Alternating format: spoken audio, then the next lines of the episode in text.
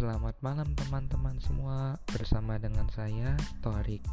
Dan kali ini saya akan membawa tema yang berjudul Sebarkan cinta saja dalam doa dan kasih sayang keluarga. Nah penasaran kan gimana ceritanya? Makanya tetap stretching terus ya di podcast teman-teman. Jadi saya melihat anak-anak saya tidur adalah kebahagiaan tersendiri buat saya.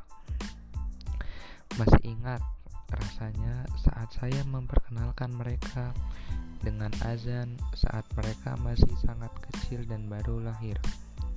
Sekarang, alhamdulillah, setiap azan berkumandang, mereka bisa fokus mendengar dan menjawab azannya. Kalau mereka lagi nggak fokus, saya bilang, segala jenis jin dan sehat jahat itu pada kabur kepanasan dengan suara azan.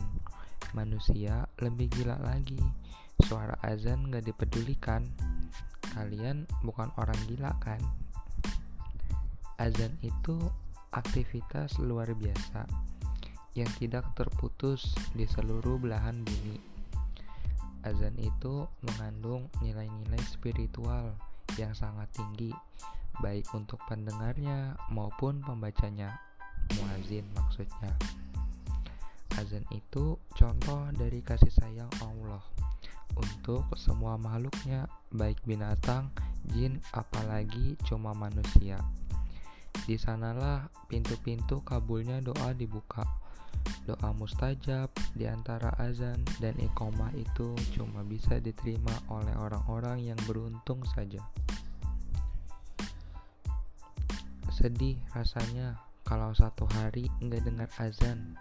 Saya rasakan saat di luar negeri hampa rasanya hidup tanpa azan. Kayak ada yang hilang gitu. Itulah dahsyatnya azan. Waktu menyebarkan cinta, kemudian meminta perlindungan Allah supaya keluarga kita terjaga.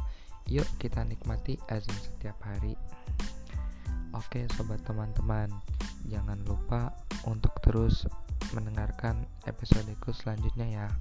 Mohon maaf apabila ada salah kata dari saya. Sekian dari saya dan saya ucapkan terima kasih.